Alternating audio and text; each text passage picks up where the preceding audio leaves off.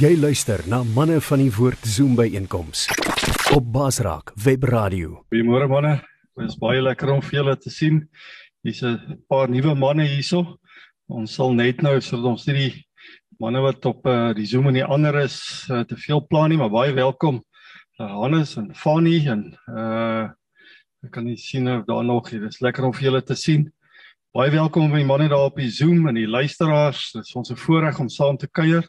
In Pretoria reën dit so lekker sag. Ek hoor dit reën goed daar in die Noord-Kaap en uh ek weet nog nie daarso ek het net nou ges, gesien daarso Samuel van uh Wamuland in Namibië. Dawie sê vir my daar's een van die boetas van uh Dubai.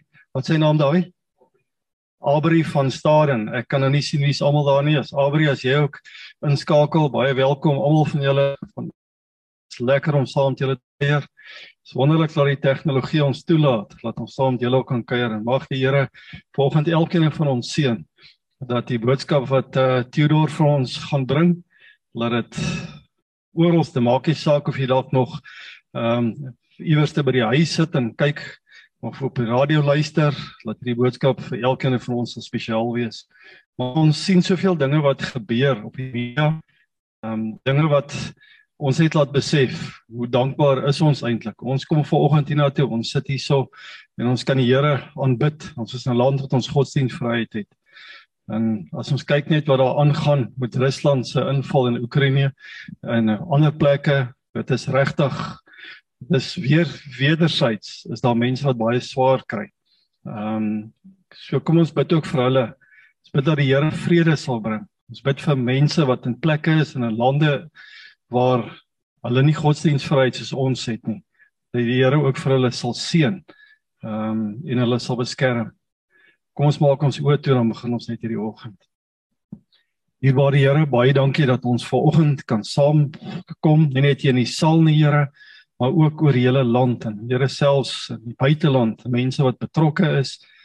Here, dankie dat ons kan weet U het 'n spesiale boodskap vir elkeen van ons. En daarom wil ons bid, Here, dat U ook vir Dominee Theodor sal steun, Here. Vader, waar sy pa ook 'n lank pad gekom het in dieselfde gemeente. En Here, dankie dat mense soos hy en ook die ander persone wat betrokke is by ons wat voltyds in die bediening is, die pastore en die predikante.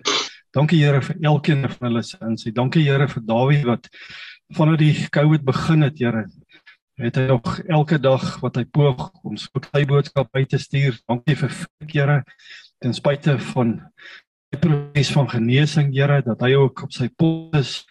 Here, dankie vir die liefde. Dankie dat ons kan weet, Here, ons doen nie vir u guns vir oggend nie. Maar Here, u het al reeds vir oggend het jy 'n plan gehad met elkeen van ons se lewens. En ons bid Here dat u vir ons sal seën Here dat U sal help dat ons nie sal toeskouers wees nie, maar Here dat ons sal deelnemers wees. En Vader dat ons regtig die groot opdrag sal uitleef, Here, dat ons sal dit disippels wees, Here, dat ons eie lewens so sal wees, Here, dat ons sal weet as ons in 'n spieël kyk, die spieël van Jesus, om te weet, Here, ons is gereed om ook die groot opdrag uit te voer om disippels van die verskillende nasies te maak. Here, ons toe Maak ons gehoorsaam, ons kwam Here, sodat U naam verheerlik word. Vader, ons lees is ons van manne van die woord. Ons het 'n passie vir siele. Wil U dit waar maak, Here, in elkeen van ons se lewens, by ons huisgesinne, by ons werksplek, daar Here self op die sportveld by die golf van waar ons is, Here, dat ons die liefde sal uitdra. Here dat die vrug van van die gees van Galasiërs 5 vers 22 al hoe duideliker in elkeen van ons se lewens sal figureer. Dankie daarvoor. Dankie vir die reën daar buite. Dankie vir reën, Here, wat oor die land val. En Vader, waar die sprinkane probleme is in die Noord-Kaap en ander wil ons bid, Here, as stadsjapies. Vader, ons ons sien hierdie dinge en ons weet dat ehm um, dat dit ook belastingheid is vir baie van hierdie boere. Maar dankie Here dat ook dit Vader sal sal u beheer. Dankie dat ons vandag die seën kan vra in Jesus naam. Amen. Wanneer ehm Willie gaan uh die die naweek het hulle weer kamp vir die minder bevoorregte kinders. So as enige van julle wil uh ondersteun of 'n bydrae lewer, kontak vir ons of daar een van julle is wat voel uh julle kinders of kleinkinders moet so 'n kamp bywoon, uh, kontak ons gerus. Ehm um, laat die kinders genoeg slaap voor die tyd want dan wil jy gaan hulle baie dans in in, in hardloop. So daar's 'n paar dae wat wat op pad is. Ehm um, daar by Jan by julle sinne, jy het gesê in Mei maand 20 Mei. Ehm um, Dawie, het julle al 'n datum vir ons in? Goed, ons beplan ook vir pastoor Stief hulle wat kerk soveel skare gekry het met die groot reën. Ehm um, wat onder uh, groot vloedskade uh, gelei het vir hulle ook 'n golfdag te doen. So ons vir julle nog die inligting deurgee. Wanneer is daar gebedsversoeke, selfs die manne wat uh, op die Zoom is of ander uh, luisteraars, gee dit deur. Ons het 'n goeie netwerk van pastore en beraders en uh ons kan regtig ook met julle skakel. So julle is baie welkom. Fyodor, kom asseblief vorentoe. Maar dit is 'n voorreg om vanoggend uh ook vir Fyodor uh, aan julle bekend te stel vir die wat julle nie om nie ken nie. Ek wil vir julle sê wie sy pa nie want uh en voel dit so asof mense nou sê maar jy weet dis nou die beroemde rugby speler en sy Julle sal sal vandag sien, ek het vir hom nou die dag ges, gesê daar toe hy by Moroletta sy intree preek gedoen het. Dit is lekker om te sien dat uh die appel val nie ver van die boom nie. Maar daai appel lê nie in die skare weer van sy pa nie. Fyodor, ek dink jy gaan 'n groot verskil maak daar by Moroletta. ek weet nie of jy bietjie gaan vertel van van uh die ervaring wat jy wat jy in gedagte het nie en ook hoe dit selfs hier by ons Maar nou as ek so luister na die dinge en ook ehm um, hoor wat baie van die van die pastore en die predikante praat, dan laat my net besef, ons kan nie net hierso sit vir 12, 13 vanoggend vra hy vir Dawie hoe lank is ons al besig by manne van die woord. Ek kan nie self onthou nie. Dawie het ook gewonder of 12, 13 of 14 jaar is, dit maak nie saak nie. Maar dit is 'n lang tyd. En uh ons kan nie net stoele warm sit nie. En daarom is dit vir my lekker al die projekte wat wat ek die hele tyd die terugvoer van van kry. So Führer mag die Here vir jou ryklik seën. Mag uh ook in jou bediening daar by Moroletta Park en dankie ook dat jy vanoggend kom hande vat. Ons ons het 'n uh, loop 'n lang pad ook met die verskillende gemeentes, ook hier by Choose Life en al die ander. Ons het heelwat pastore en predikante wat deel is van van manne van die woord. Ons is interkerklik. Ons is nie om dogma voor te te trek of 'n spesifieke manier nie. Ons is almal lief vir die Here en dis die belangrikste. Mag die Here vir jou ryklik seën vanoggend. Baie dankie Andrew en dankie vir die geleentheid um menere, manne. Um dit is my voorreg om hier te te wees.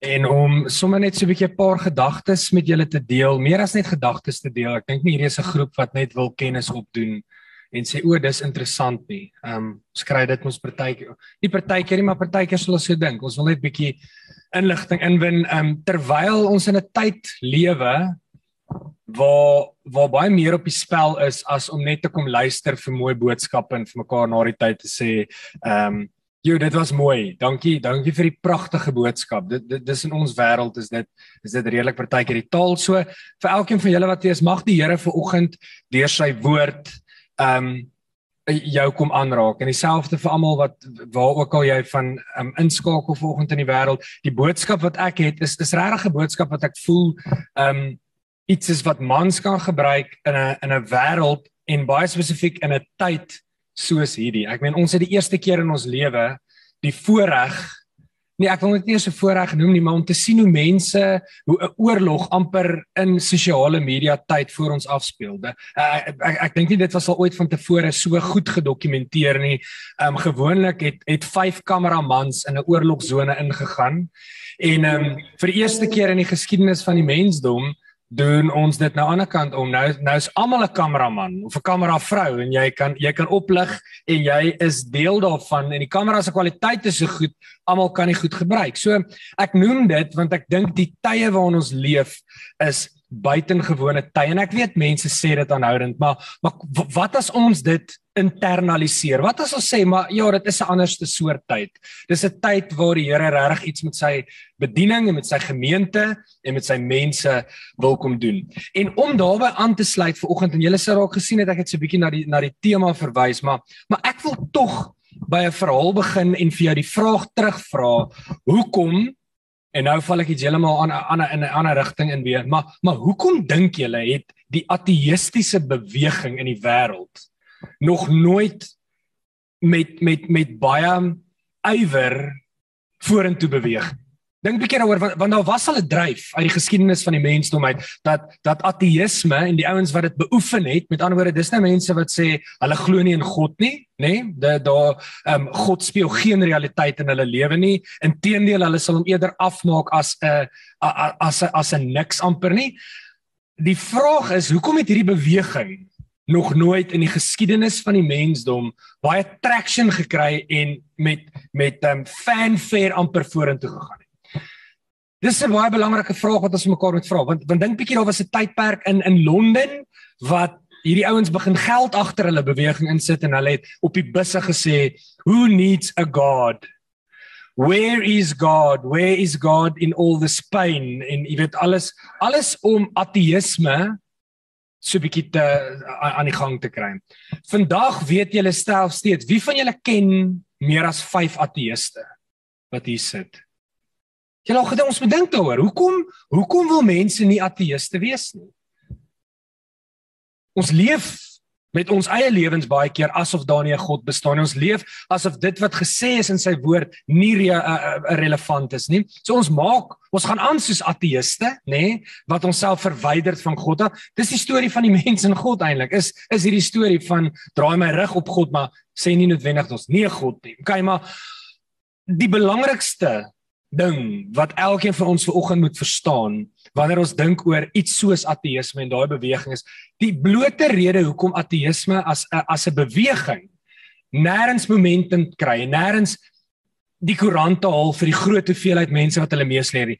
Die rede hoekom daar nie gesinne tot bekering kom vir ateïsme nie is bloot net oor dat ateïsme nie 'n storie het Nou ek wil volgende daarby vir vir 'n geruime tyd saam met net saam met jou stil staan want ek dink nie ons ons weet meer wat is die waarde van storie in ons lewens. Jy dink jy het 'n klomp goed maar net eers in jou lewe al gehoor. Jy is dalk nie vanoggend bewus nie, maar jy's besig om jou hele lewe in te rig volgens die stories wat jy leef. Die stories uiteindelik van die Bybel is baie meer as net interessante kennis wat jy opgedoen het, maar dit gee vir jou 'n platform van waaruit jy vandag fisies gaan leef. Van waaruit jy vandag fisies jou werk gaan doen. Wil jy gaan 'n kamp doen, maar hy gaan dit doen met sy agtergrond van die storie van die Bybel wat hy op een of ander manier vir hom lewend geraak het in sy lewe en dan kan hy dit met oortuiging vir ander mense gee. Maar eers pas jy in die storie in en ateïsme het nie 'n storie nie, want hulle sê die storie is nie die storie nie. Daarom dink ek wil ek vir oggend vir jou amper by elkeen vir julle net weer eens kom bepleit en vir jou kom sê dat dat jy moet vir onder geen omstandighede die verantwoordelikheid mis en amper die competitive advantage mis van wat dit beteken dat ek en jy en almal van ons wat hier sit vandag gekonnekt is, nê, nee, direk aan 'n groter storie. Nou kom ek sê gou vir julle wat is die fout wat ons dalk in die kerk gemaak het rondom hierdie storie vertelling en die manier hoe ons dink rondom stories is Julle ons het gegaan en in baie kulture en tradisies het ons byvoorbeeld iets gevat soos die 10 gebooie, nê? Nee? En jy het na die klein, jy het na die kategese toe gegaan wat mooi is as gedagte weer. Hoor mooi, ek gaan nou die hele tyd rondspring tussen tussen om in te zoom op iets en die gedagte agter dit. Die gedagte agter dit is Deuteronomium 6. Leer ons kinders, skryf dit op hulle voorkoppe, sit vir hulle bandjies aan. Kom ons leer hulle alles wat ons wil hê. Eh, en en wat hulle moet weet van hierdie storie sodat hulle weet waar hulle inpas in die storie. Julle wat s'ie volgende ding wat gebeur? Ons gaan in die detail in. Ons leer iemand wat is die 10 gebooie, né? Nee? En ons sê vir hulle jy skryf toets oor die 10 gebooie en dan kry een ou net 5 uit die 10 gebooie reg of ons vat byvoorbeeld die 10 pla. En ons sê en ons doen oulike dansies hier op die verhoog om die 10 pla uit te wys. OK? En dan hooplik kry ons dit reg. Iemand kry dit reg. Um vir jou toets kry jy 8 uit die 10 pla reg. En dan gee ons vir jou 'n reward. En ons dink en ons leer vir mense so oor die Bybel. Ons gaan haal klein teksgedeeltes uit die Bybel uit wat mooi is. Ons dis goed wat wat mooi is. Soos byvoorbeeld ons sê vir mekaar, ehm um, vir al as jy 'n tiener is, dan laat jy dit om te sê beproef alles en behou die goeie. Julle julle dit al gehoor. Ek het dit self al 'n paar keer gebruik. Ehm um, want dit is 'n lekker vers. Ek gaan haal hom uit en ek maak hom my eie. Ehm um, ek vat Johannes 3 vers 16. Ek gaan haal hom uit en ek maak hom my eie. En so het ons mense oor die Bybel geleer met 'n klomp snippets. En dit sal baie interessant wees hoe jou Bybel sal lyk. Like as jy al daai snippets wat jy geleer het en geleer is in 'n boek gaan plak en sê so is die evangelie soos wat ek hom gekry het. Maar ons mis en ek dink ons mis dit geheel en al nie want want weer eens julle sit hier, julle is op 'n manier aangesluit en die enigste rede hoekom jy vandag hier sit is want jy jy voel jy is deel van God se storie na die mens toe. Daai storie het geleef is leef in jou hart. Maar wat ons gedoen het is ons het begin uitmis en ons het begin om stukkies uit te haal en ons het gesê vat die 10 plaat ons die 10 plaat uit ons kop uit geken, maar ons weet nie eintlik hoekom nie. En vir oggend wil ek by jou kom pleit en ek wil eintlik vir oggend jou hart kom rustig maak om jou net weer eens te herinner en en die groter woord wat ons daarvoor kan gebruik is die woord van die meta-narratief. Het jy gehoor van die woord die meta-narratief? Met ander woorde, dis die wat is die storie van hierdie hele boek? Hierdie storie het 'n baie duidelike boek van 'n van 'n van 'n God wat sê ek is 'n God van versoening. En kom ek wys jou op hoeveel verskillende maniere het ek nou al geflippend probeer om by julle as mense uit te kom. Né? Nee? Dis dit is wat in die Bybel aangaan. Wat wat meer kan ek doen? Kan ek kan ek vir jou wys van van Noag en die ark? Dit het gegaan oor om sonde uit te wis om weer by die mens uit te kom. Toe julle, toe Adam en Eva, ehm um, hulle hulle klere aangetrek, ag toe hulle sonde gedoen het, wat doen die wat doen God? Hy sê ek skuld vir julle, julle moes dit nie gedoen het nie. Julle moes nie uit die boom van goed van die lewe en goed en van goed en kwaad geëet het nie. Julle het dit nou gedoen. Ek skuld vir julle. Nou in die volgende oomblik wat kom doen God? Hy sê Hy draai om, hy kyk vir die diere en hy sê ek sal diere slag en ek sal vir julle klere aantrek. Let's go on. Kom ons gaan aan. Kom ons kom ons vat 'n volgende stap. Oor van die tempel tot die tabernakel. Dis een groot vet storie van 'n liefdevolle God wat sê ek wil by mense wees. En dan uiteindelik die rede hoekom ons hier sit is God het gesê genoeg is genoeg. Daar's net een manier hoe ek versoening tussen mense en God kan bewerkstellig En al wat oorbly is ek sal vir julle met my eie lyf moet kom wys hoe om dit te doen. I'm going to put skin in the game. Love daai woord want dit sê ek gaan my eie nerve hier kom afval tussen julle sodat julle kan sien wie God is en sodat ek verzoening kan bewerkstellig. Julle maar dis die storie van die Bybel.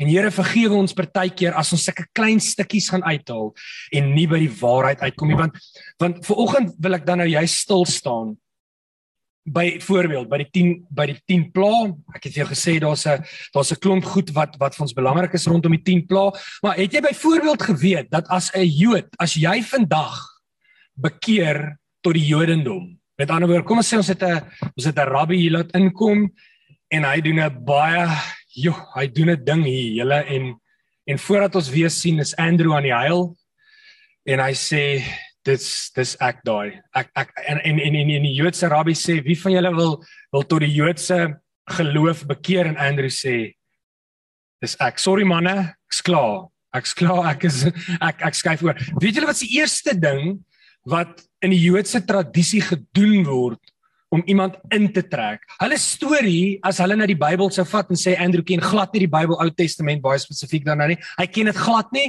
Al wat Andrew ken is niks nie. Weet julle waar begin die rabbi met hom? Baie interessant. By Exodus. En die storie van Exodus saam met God. Julle die hele Joodse tradisie oor al die eeue is gebou op hierdie wonderwerk ja van die 10 plaas. Die 10 plaas het 'n baie merkwaardige rol gespeel want God het aanhoudend gesê, "Laat my mense gaan. Ek sien hulle pyn raak, ek sien hulle hartseer raak, ek sien hulle um die goed waardeur hulle gaan. Laat my mense gaan." Julle en dan gebeur dit dat die Rooi See oopgaan en 'n wonderwerk vind plaas. En kom ek sê gou vir julle as jy wou geweet het waar Jood sit, waar 'n Joodse se se diepste motivering vir sy leefstyl en vir alles wat hulle doen, dit het begin by die storie van 'n wonderwerk van 'n God wat bevryding bewerkstellig het en die Rooi See oopgekloof het, die wonderwerk wat plaasgevind het. Dit is waar hulle storie begin. En dan moet ons vir mekaar vra, hoekom is die Jodendom so merkwaardige volk? Wat dink julle gebeur om 'n etenstafel in 'n Joodse tradisie? Niemand doen die praatwerk nie. Die pa van die huishouding sit aan die punt van die tafel en weet julle wat gebeur elke liewe ete wat hierdie Jode bymekaar kom?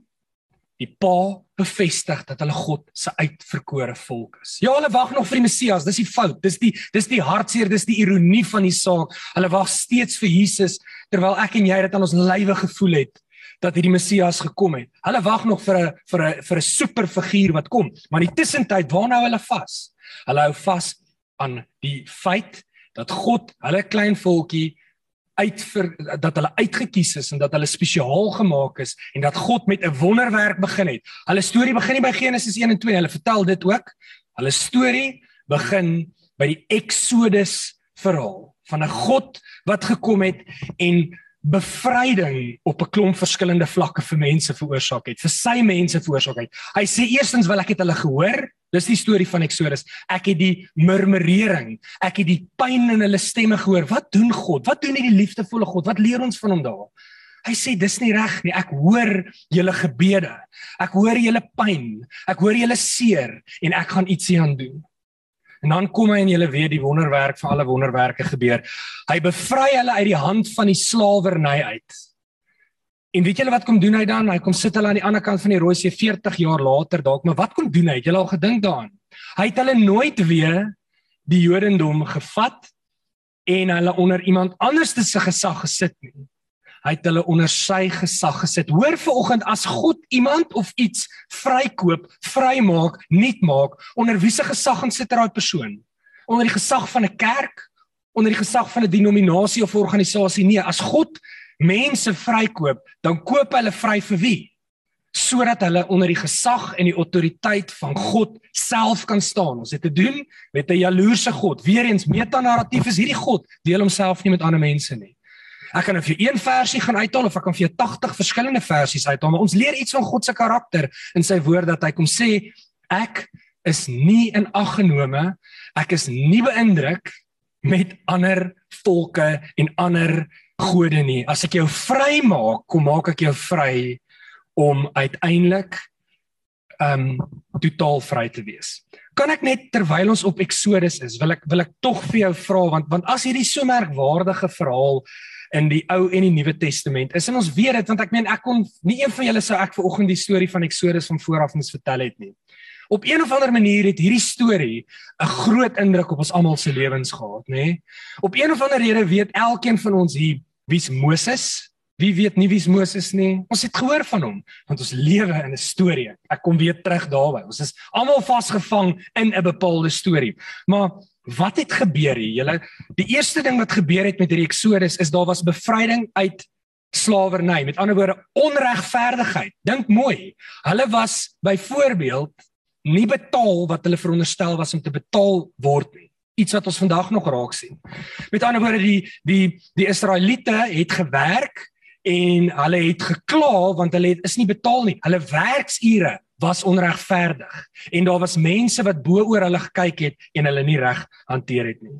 So met ander woorde, selfs op 'n ekonomiese vlak was daar bevryding wat plaasgevind het vir die Israeliete, nê. Dit was nie net die Rooi See wat oopgegaan het en hulle leef vir die volgende 40 jaar op die fumes van die Rooi See wat oopgegaan het nie. Hulle het aan hulle lywe gevoel dat hulle is ekonomies bevry, dat hulle word nie meer vasgehou nie.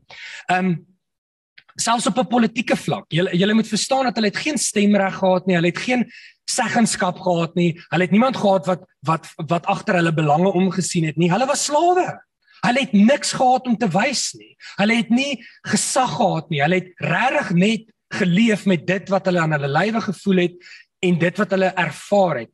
So op 'n politieke vlak wil ek amper sê het hulle dit aan hulle lywe gevoel dat hulle bevry is, dat hulle in nuwe groeperinge bymekaar kan kom, dat hulle stemme kry toe hulle nie 'n stemme gehad het nie. Julle selfs op 'n sosiale vlak is hulle bevry want julle weet wat het gebeur en ons ons sê dit dalk nie genoeg vir mekaar nie, maar maar wanneer daai toe die kindertjies vermoor moes word, was dit 'n massamoord wat plaasgevind het. Dit was die grootste onheil, dink aan jou eie kinders. Um kinders wat weggeraak het en wat vermoor is as gevolg van die situasie waarin hulle hulle self bevind het. Hoor julle dat die pyn wat die Israeliete beleef het en die bevryding wat hulle gekry het het nie net een aspek van die lewe um behels nie. Hierdie bevryding het gekom op 5, 6 verskillende vlakke van die menswees. Hoor julle iets van 'n God wat sê as ek mense kom bevry, kom is dit nie net vir jou om uiteindelik op te eindig by manne van die woord nie. Ons huisgesinne gaan moet verander. Ons werksomstandighede gaan moet verander. Ons manier van doen gaan uiteindelik moet verander. Dit is wat hierdie Exodus storie uiteindelik dan nou vir elkeen van ons kom sê. Julle en dan terwyl ons onsself hak aan 'n groter storie. Kan ek nie anders as om ver oggend met jou hierdie baie merkwaardige teksgedeelte te lees. Um en ek hoop regtig dat jy ver oggend iets kan hoor van wat Jesus dan eintlik in jou lewe kom doen het nie. Want jy sien in Lukas 9 vanaf vers 28. Ek weet nie as jy dalk 'n Bybel het, ek wil tog tog hê jy moet dit vir jouself sien. So as jy dalk op jou YouVersion app um werk dan sal ek graag wil hê dat ons moet gou kyk na Lukas 9 vanaf vers 28 tot vers 31. Vers 28 tot vers 31. Lukas 9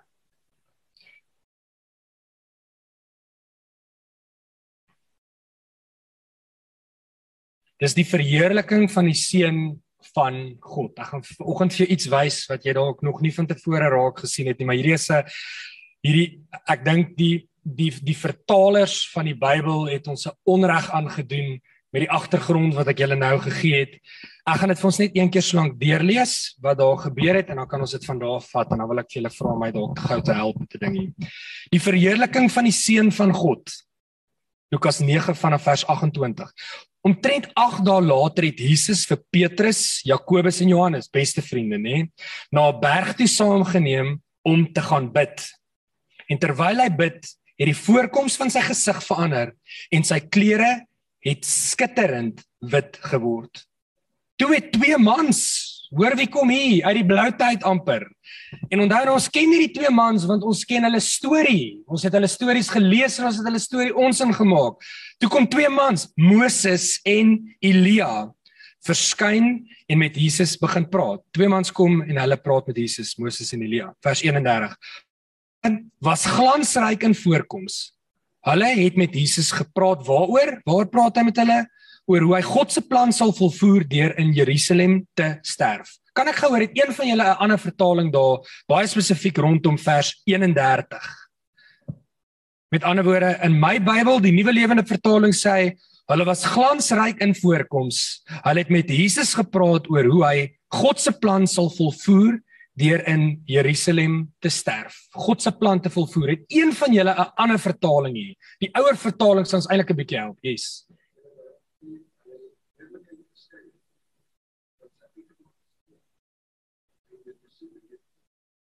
OK, hier het ons al klaar 'n woord wat ons beter help. Sy uitgang bespreek wat hy in Jerusalem sal volbring. Julle hier's 'n plan wat bymekaar besig is om te kom.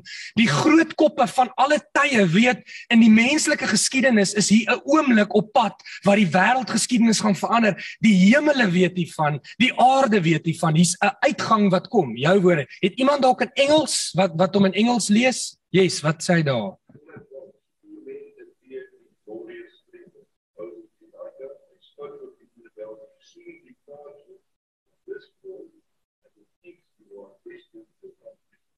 Hoor gou wat sê hierdie hoor wat sê wat, wat se vertaling is daai? Stokkie NIV. Passion Translation. So hy sê oor sy gaan noem hy dit die sy isoon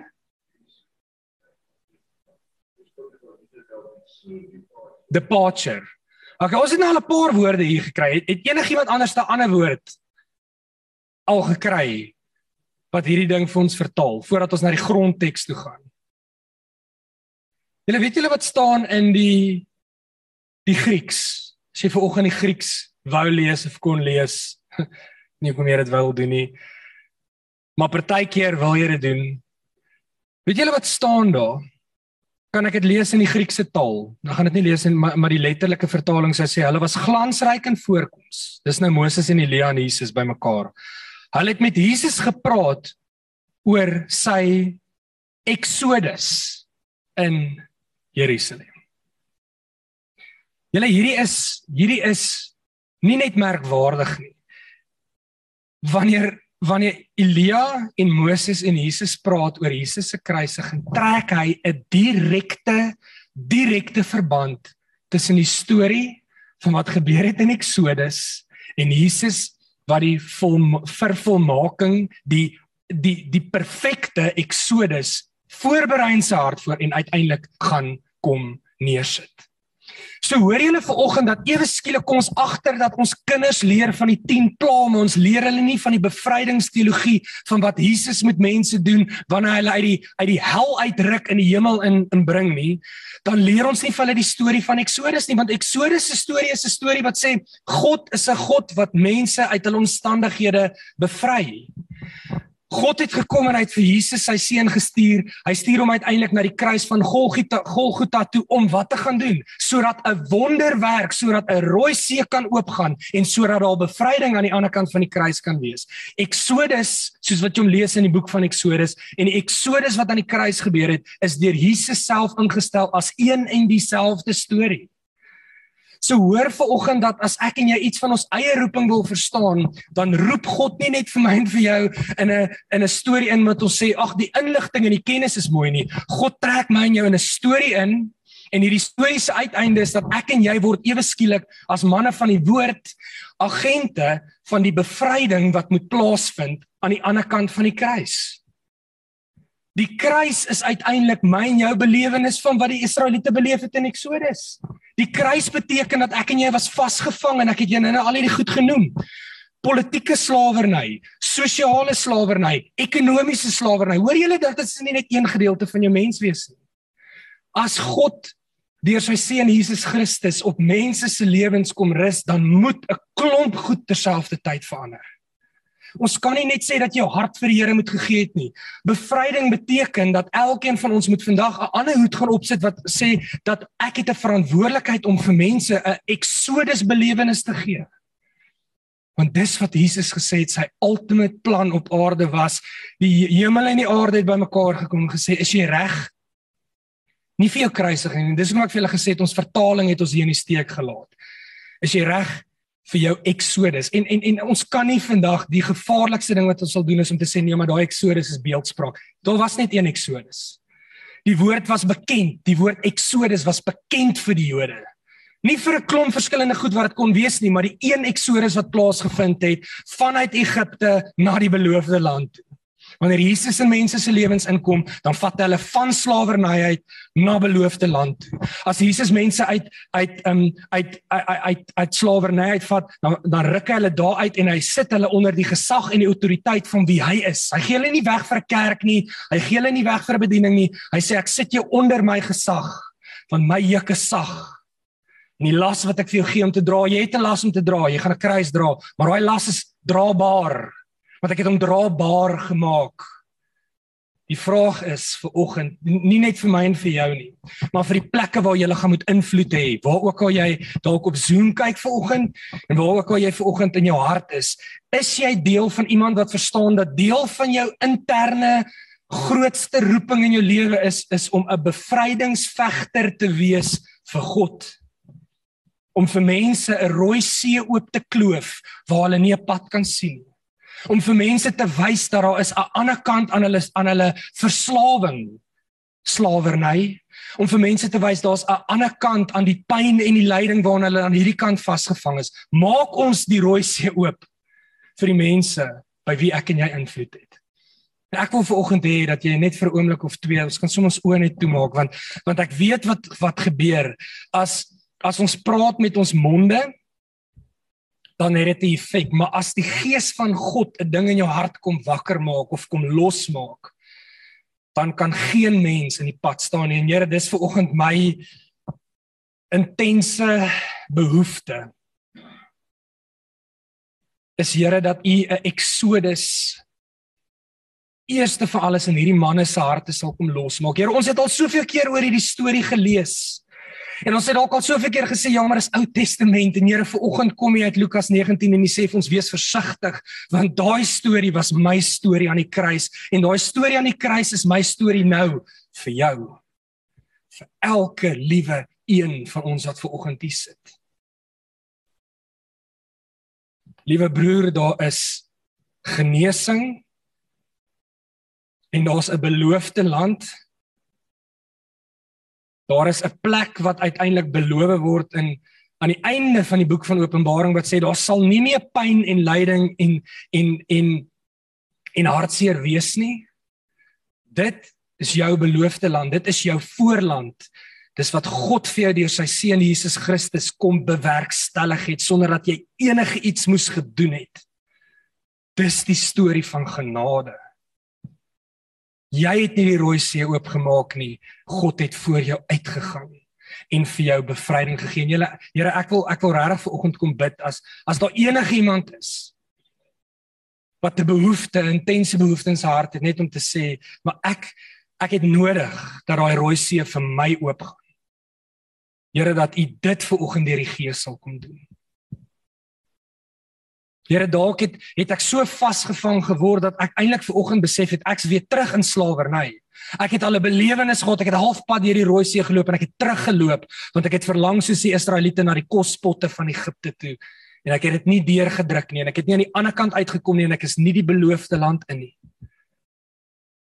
Here, dankie vir hierdie platform, manne van die woord wat ek weet, Here, en ek wil dit profeties oor hierdie bediening kom spreek vir oggend van vooraf en opnuut. Here, maak dit 'n bediening wat rooi see oopmaak vir mans reg oor die wêreld.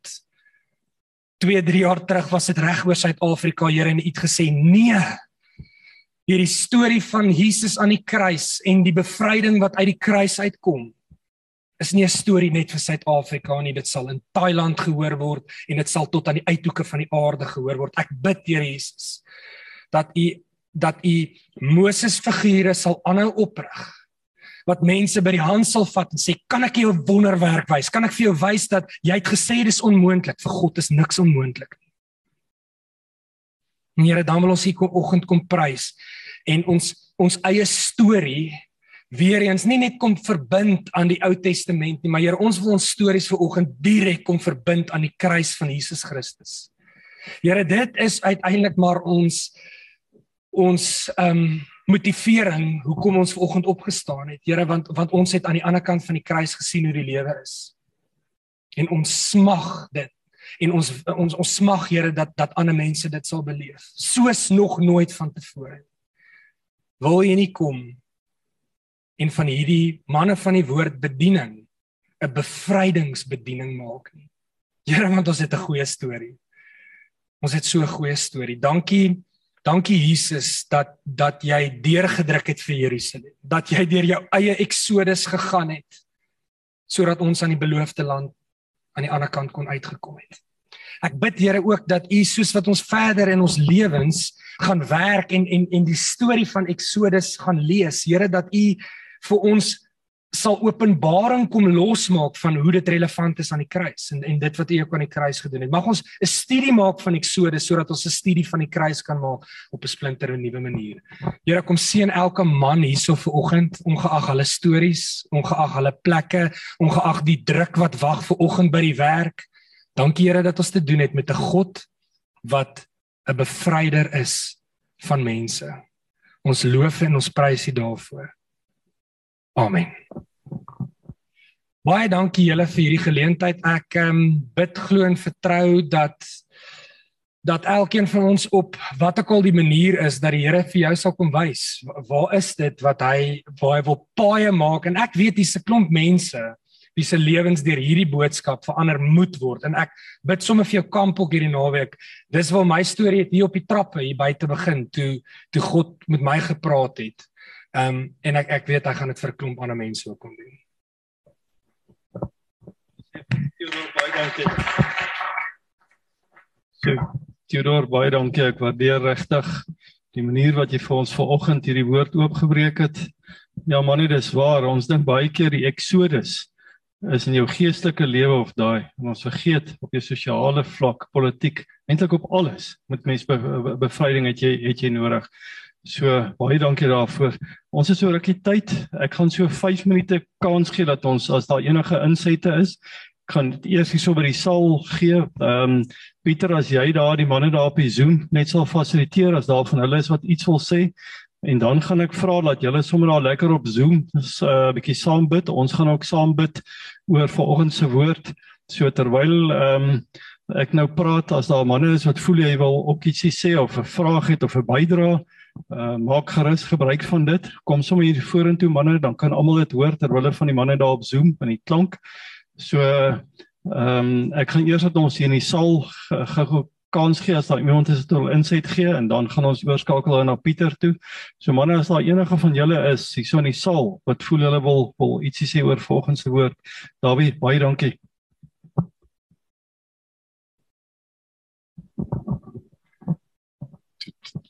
Theodor vir besig was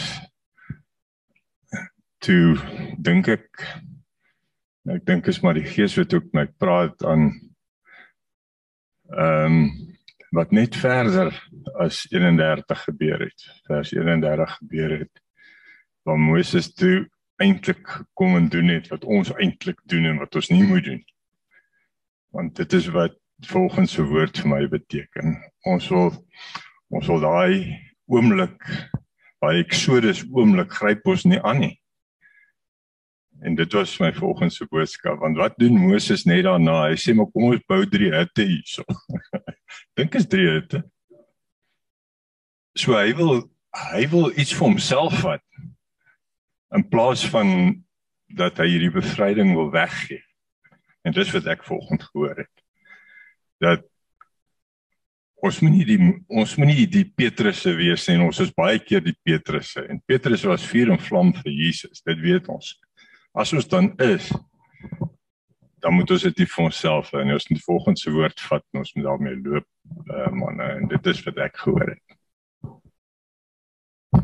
Dankie Dawie. Sal enige iemand anders wat ook wil wil 'n bydrae doen?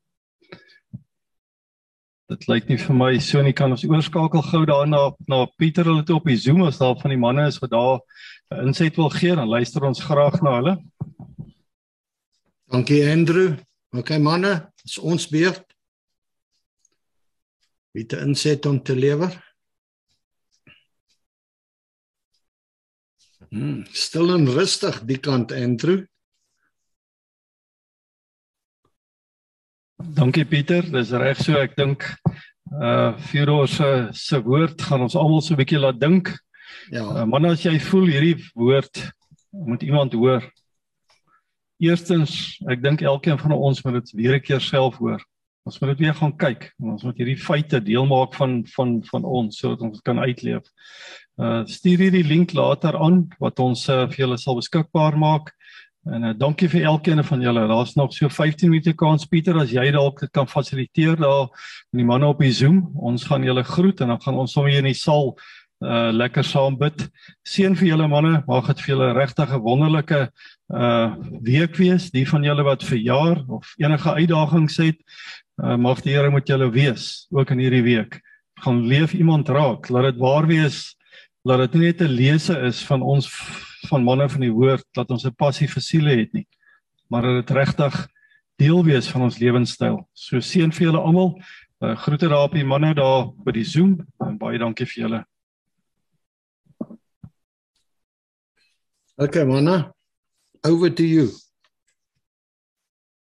Ek wil net begin om te sê as julle nuut is op die groep, uh, as jy deel wil wees van hierdie uh hierdie e-poslys, Uh Andrew se nommer is daar bo op die skerm.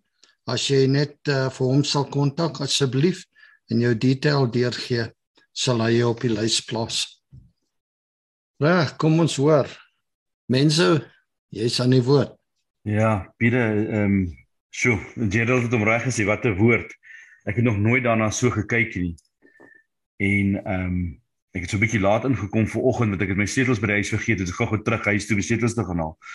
En uh, terwyl ek ry, dis daar ehm um, dis daar 'n 'n 'n 'n ou wat woord bring op RSG, toe luister ek gou daarna.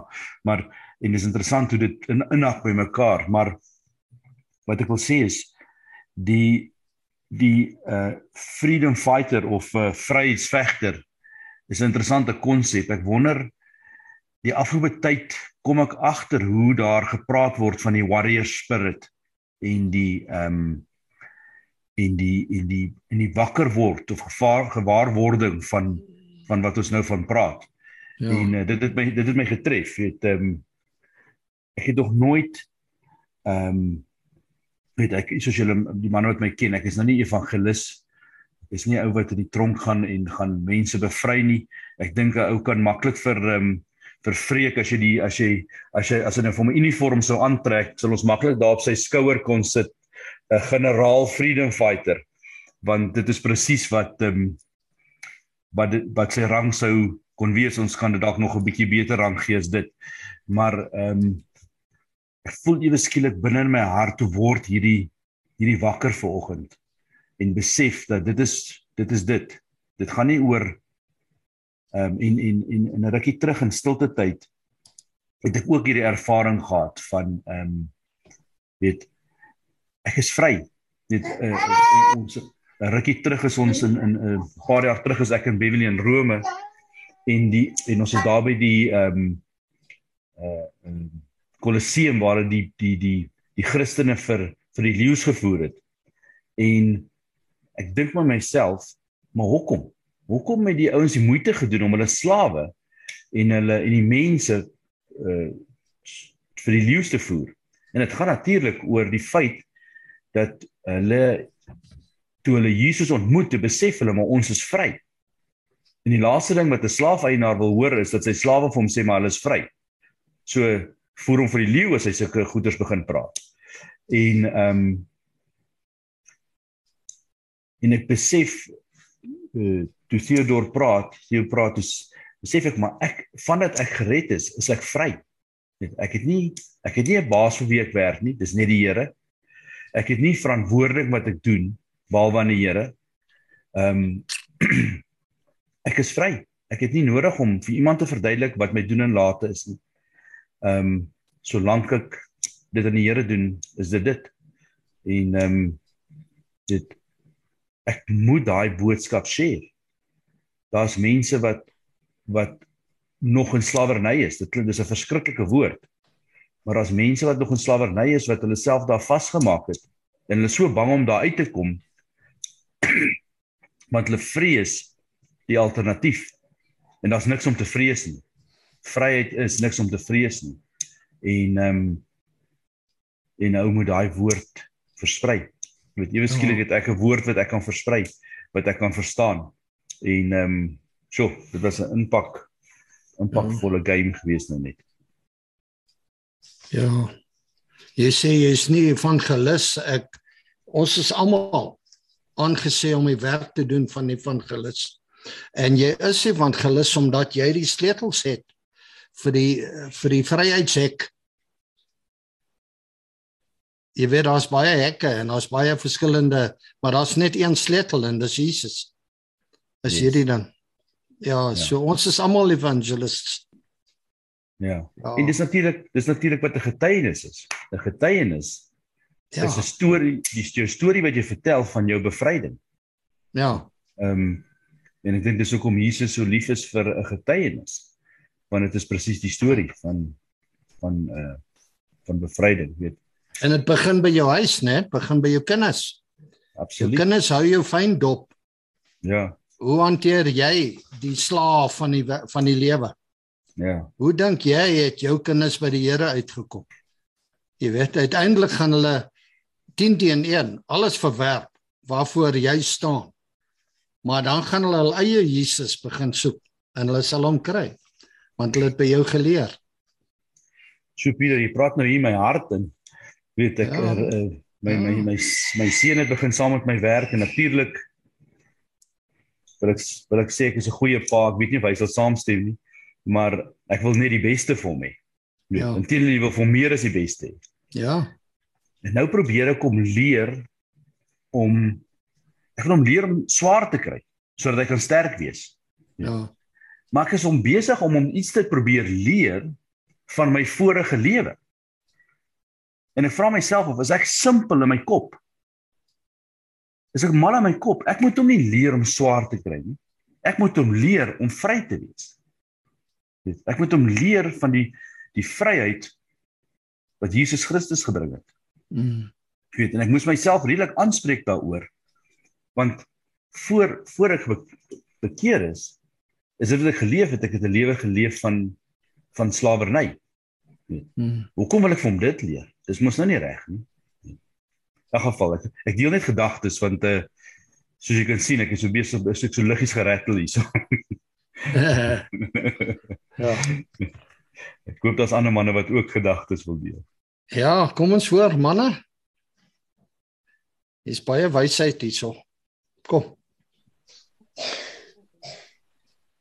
Ja, môre môre weer. Hallo Samuel.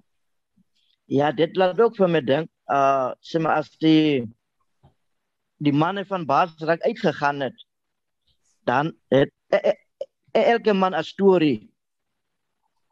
En elke man se storie begin met 'n storie wat na die vryheid toe lei. Uh, ek ont uh, dit, dit dit kom net in my gedagtes. Op 'n sekere dag is so as ek reg onthou in Bloemfontein en by 'n skool en die skoolsaal is volgepak. Maar nou die, die John bring 'n storie van sy skoolvriend met die naam van Trevor. Hallo nee, sorry. En John het 'n ander pad geloop en Trevor het 'n ander pad geloop. Maar op 'n dag toe John vir Trevor gaan ontmoet, toe is Trevor 'n pastoor. Trevor het 'n mooi lewe, want hy het da- die regte pad gekies. So John se pad het nou hy het 'n generaal geword en dis nou polsmoor en ons ken John se getuienis. En aan die einde van die dag dan vra John vir die kinders Nou, wie wie se pad sal julle kies? Sal julle Trevor se pad kies of sal julle my pad kies? En die hele hande wat opgaan sê nee, ons sal vir Trevor kies. Ek wil soos Trevor. wees. So die dat John se storie het die kinders na die vryheid toe gelei. Dit net die begin en hoe die storie kom eindig. Dis wat alles baie interessant word. Dankie. Ja. Dankie Samuel. Ja. Ja. Ja. Ek ek hoor wat ek hoor wat as as, as ek net daar ietsie kan byvoeg. Ehm Ja. Ek het nou my mense het van my Bybel gegee en ek het gister het ek 'n gedeelte gelees van sit Psalm 122 vers 6. Dit sê bid vir die vrede van Jerusalem. Nou daai Bybel van Genesis tot Openbaring, dan het hy 'n verduideliking. Dit dit gee lig dat 'n man beter kan verstaan. So maar as ek net by- in in, in my taal as ek 'n vers lees, dan sal ek nou nie mooi verstaan nie.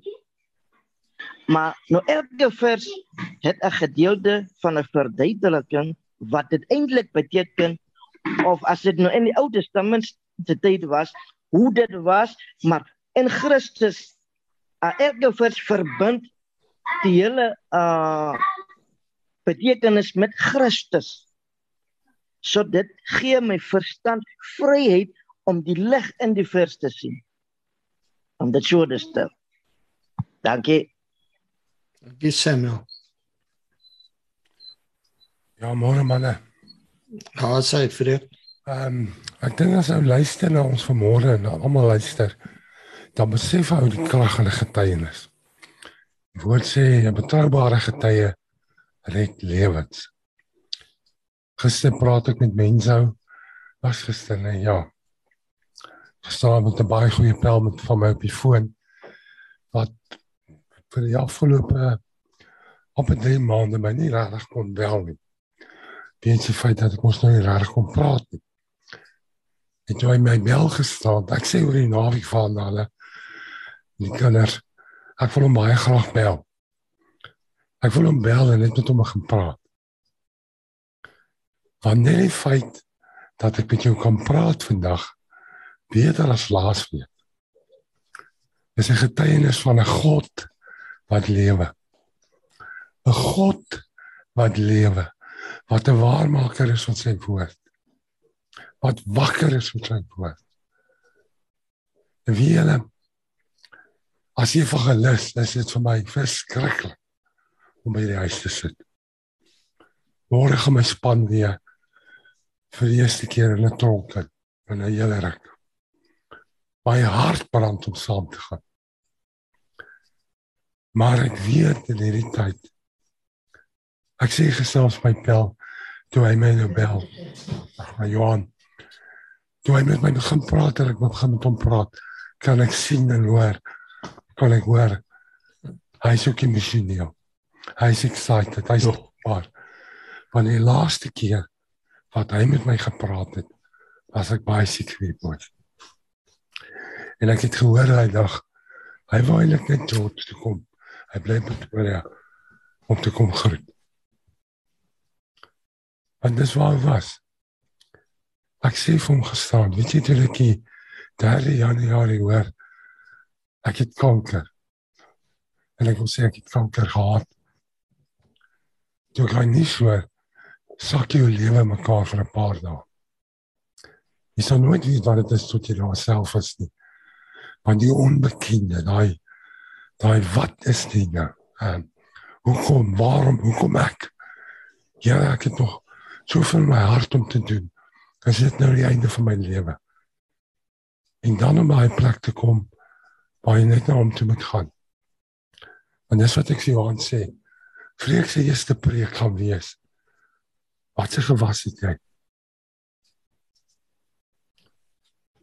Almal het gewasse. Wat groei se kanker. Party kan hulle 'n naam gee en hulle kan hom identifiseer. Maar as gewasse. Ek sien in die week 'n geweldige metleierery op Facebook. Oor iemand wat opgesit het rooi strafs wat opgesit het waar hulle begin beheer met dit en na die tyd geseën is met kos. Nou wil ek sê mense, ek sal nooit moet opsit na ons saam bedien en by jou of 'n manne ding en die mense met daai tyd sien wat het ons geëet nie. Dan gaan hulle moeilik wees. Maar in die bord wat rooi is op sit, is daar varkprodukte. En hy sê dit op Facebook om te sê, kyk hoe word ons bederf. Kyk hoe wonderlik is dit. Net te sien hoe Christus hom attack. Daar's varke en as dit al te groot is om die varke. Dis onrein en ja. Wat ook al, ons gaan nou nie daaroor debatteer nie. En ek sien die ding van maar waar is die liefde? Waar is die dankbaarheid? As die wêreld nou na hierdie Facebook bladsy kyk en sê ja, wat hulle leier nie gesê, hulle hoef nie gesê as hulle kan sien ons is mekaar. As hulle kan sien julle is mekaar lief, sal hulle weet wie julle is. Maar jy kan jy nou nie lief sien. Want dit is 'n oorlog. En ek dink jy daai se gewas in iemand se hart wat hulle nou nie by 'n onekoloog of op 'n PET-scan of 'n uh uh biologische toets of beenmerg biopsie kan identifiseer. En jy sê luister meneer, jy is gediagnoseer met battery. Ja. Jy is gediagnoseer met onvergewensgesindheid. Jy is geïdentifiseer of gediagnoseer. En hoor mooi, want hierdie is 'n gevaarlike ding. Dis 'n ding wat oorloof veroorsaak. Godsdienst. Jy's jy's godsdienstig. Jy lyk heilig, jy klink heilig. Maar daar's geen krag in dit nie. Jy het die gedaante van godsaligheid. Maar daar's geen krag. So ja, die evangelis is 'n afsondering. Wag wat my stem 100% dat ek Johanna het my bevel gegee. Ek moet 'n 4 maande sabbatiek vat totdat die behandeling en alles oor is. Maar glo my as as vreekpreker die vreekpreek weer in blok uitkom, moet hulle weer daai eerste preek gaan wees. Watter gewas het jy? Ja. Amen. Amen. Ons wag vir hom. Wag vir. Amen. Laat ons weet wat er gebeur, ek is daar. Jy weet daai daai terwyl jy praat vreek kom maar twee gedagtes by my op. Daar's twee soort Christene deesdae. Ja. 'n Freedom fighter Amen. en 'n prisoner. Mm. That's it. Jy's of in die gevangenis of jy's 'n freedom fighter. Amen. Dit is uh, jy weet hoe lank preek ek nou al vat hom fluffy en al hierdie it's time to to take back what the devil has stolen. It's time to go and find what you have lost. Jy weet die Here het vir ons deur die jare juwele gegee. En ons het dan net so daarna gekyk en laat val in die woestyn. Yes. In hierdie jare is nou tyd vir ons om terug te gaan woestyn toe, wildernis toe om daai juwele te gaan soek. Want ons het hulle brood nodig om die koninkryk werk te doen waarvoor ons hier is. En my tweede gedagte is uh as dit 'n gewas is, wat is die kemo daarvoor? Is dit die werk van die Heilige Gees wat jou wil doodmaak? Die eie ek wil doodmaak. Jy jy moet sterf. En ek meen dis nog want maar dis 'n feit hoor daar daar's nie meer tyd. Ek glo werklik waar. Ek het in hierdie afgelope 2 weke het ek seker al 5 preekte gehoor oor Exodus. Mm. Ek self preek môre oor Exodus 14. Ouens wie se se rug vas is teen die Rooi See. Want daar kom soveel dinge wat die Here dis juwele wat weer uitgehaal moet word. Uh vanoggend was 'n juwel. Ons vat dit. Moet dit nie weer laat val nie. Vat dit ja. einde toe en uh en werk dit. You know weave it into your embroidery. Ja. Moet dit nie laat val nie. En uh so ja, nee, môreoggend is dit weer die rooi see. En jy het amper my preek gesteel, maar daarom nie. en maar vreek is goed om jou te sien my boetie. Ja, dit is so. Ek wil net sê dat ehm um, om terug te kom na die gewas toe dat die chemo in my geval wat help wat God gebruik. Ehm um, was daar baie negatiewe mense hoor. Mense was baie negatief en het my probeer aanraai om nie vir chemo te gaan nie. Allerhande produkte wat ek nie sê is verkeerd nie. Maar die groot ding vir my en my hele journey van die genesing is gehoorsaamheid. Jou oorwinning lê in jou gehoorsaamheid. Van die begin af het God vir my gesê en ek het dit met mense gedeel gister is luister na jou dokter. Mm. Luister vir jou dokter. Ag gaan baie stemme wees. Ag gaan baie advies wees. En dit is en baie bedoel dit goed want hulle sê vir jou hulle, hulle gee om vir jou. Maar die ding is met daai gewas van wat ons nie nou op hierdie stadium kom ons praat oor bitterheid. Want mense het 'n issue oor 'n varkproduk wat 'n rooi se bord is. Maar die Here Jesus sê, is nie wat ingaan wat jou onrein maak nie. Is wat van binne af uitkom. Nou daai bitterheid in jou hart. Die genesing gaan net kom as jy gehoorsaam gewees aan die woord Korrek. geïnspireer deur die Heilige Gees. As jy gaan gehoorsaam wees aan die groot geneesheer. En vir jou sê, hier is die prosedure wat ons gaan volg. Dit wat jou gaan vrymaak is die bloed van die lam. En wat nog krag gaan by gaan sit om die vyand baas te raak, is die woord van jou getuienis. Die bloed van die lam en die woord van die getuienis. En jy moet gehoorsaam raak aan my woord. Jy moet gehoorsaam raak aan my gees. Boys, ek gaan nie nou die preek preek nie. My hart is vol. Maar kom ons raak gehoorsaam aan die geneesheer. Luister van die Heilige Gees. Ja. Hy sien daar was 'n wolk in die dag. Dit is die dooping met die Gees. Die Heilige Gees gaan jou vat beloofde land toe. Hy gaan jou deur die water vat. Hy gaan jou want hulle was gedoop in die see en in die wolk. Daai wolk wat hulle in die dag gelei het, wat hulle in die nag gelei het as 'n vuurkolom, het hulle waantoe gelei, beloofde land toe. Is water toe. Daar's Farao en sy manne dood. So kom ons raak man gehoorsaam. Luister, Amen. dokter. Amen. Amen. Dankie manne. Amen. Get the expert opinion. Amen. Amen. Amen. Dankie. So. Amper begin jy nou my preek. Ja. As dit Maar jammer ons kan hom nie môre beeld sien nie want uh, dit gaan baie interessant wees. Dit volg op uh vir oggendsinne. is dit so Here is hm donderdagoggend. uh, donderdag. Ja, Donderdag. nee, ons is besig as 'n mens. ja. Ons gaan dit uit. Ja. Ons gaan O. O, dit gaan baie interessant wees. ons stemme is terug op man. Ons gesels. Jy's baie beter, ek moet sê. Jo, Baie, baie beter. Here is Baie beter. Hoeveel sien- kilos het jy nou verloor? in totaal oor die laaste 2 jaar so op 'n 70 en die laaste 3 maande so op 'n 30. OK. So jy gaan senter toe en dan gaan jy vleuel toe. Ja, as ek sê. Ja nee. En ek Klaar met die voorhuis stories. meen, Ja, wie sal nog Pieter. Mense? Jesse. Computer en die man is besig om Namibië toe ook oor te kom. O, Ja, hy het dit. laas het hulle my gearresteer op 'n grenspos.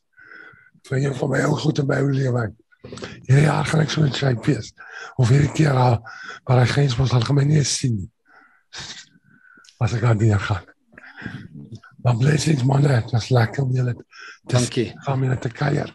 'n Laaste woord van iemand anders? George, Tom, Dirk. Baie stil daai kant. preek as jy so OK. so uh praat vanoggend. Ek is nou nie 'n ek is nou nie 'n reisies perd of 'n perde reisies ou nie.